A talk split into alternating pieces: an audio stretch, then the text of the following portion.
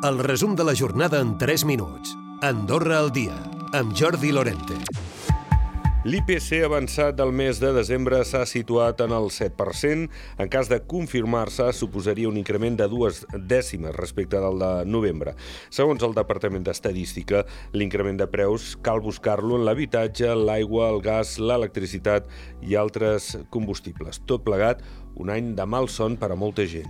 Ho he notat sobretot amb, amb la gasolina, perquè bueno, jo estic estudiant a Tarragona i el fet de pujar a Andorra doncs, doncs es nota aquest increment. Compras del supermercado, también me vio afectada en el, la suba del alquiler y se nota bastante porque el, lo que es el aumento del salario como que no acompañó. De fet, a Espanya la inflació s'ha situat en el 5,8% i a França, sense dades oficials del desembre, el novembre estava situat aquest IPC en el 6,2.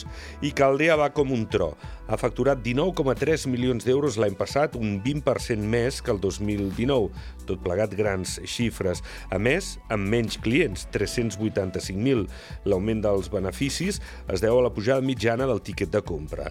Aquest Nadal, per cert, el termolúdic està omplint diàriament gràcies sobretot al visitant espanyol.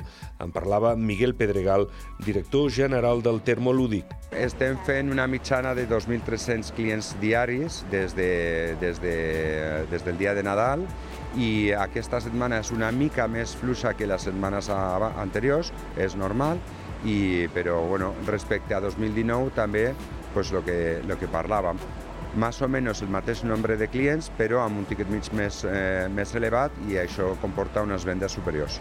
El futur del termolúdic en els pròxims anys passa per millores del que és la instal·lació i també per la construcció de l'hotel dins a la piràmide. I Andorra torna a ser competitiva amb Espanya pel que fa al preu del combustible, perquè el país veí ha eliminat la subvenció de 20 cèntims per litre. Es manté la mesura, però només per a col·lectius professionals i vulnerables. Un profesional del taxi i un empleat de benzinera que treballa en Espanya han constatat aquesta diferència. La cuenta en concreto no lo sé, porque es la primera vez que he hecho este año aquí en Andorra, pero más o menos, según está aquí el gasoil, pues unos 17, 18 céntimos. Ahora sin el descuento serán como 40 por ahí o más por litro. I aquest dilluns ha arribat el primer nadó de l'any d'Andorra. Es diu Adrià Pérez Castillo. Ha nascut a les 11 del matí amb un pes de 3 quilos i 370 grams. Tant nen com pares estan en bon estat de salut. Vuit conductors han estat detinguts per circular sota els efectes de l'alcohol o les drogues durant el cap de setmana.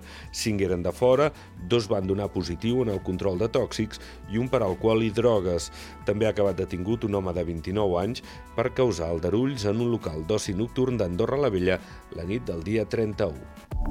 Recupera el resum de la jornada cada dia a Andorra Difusió.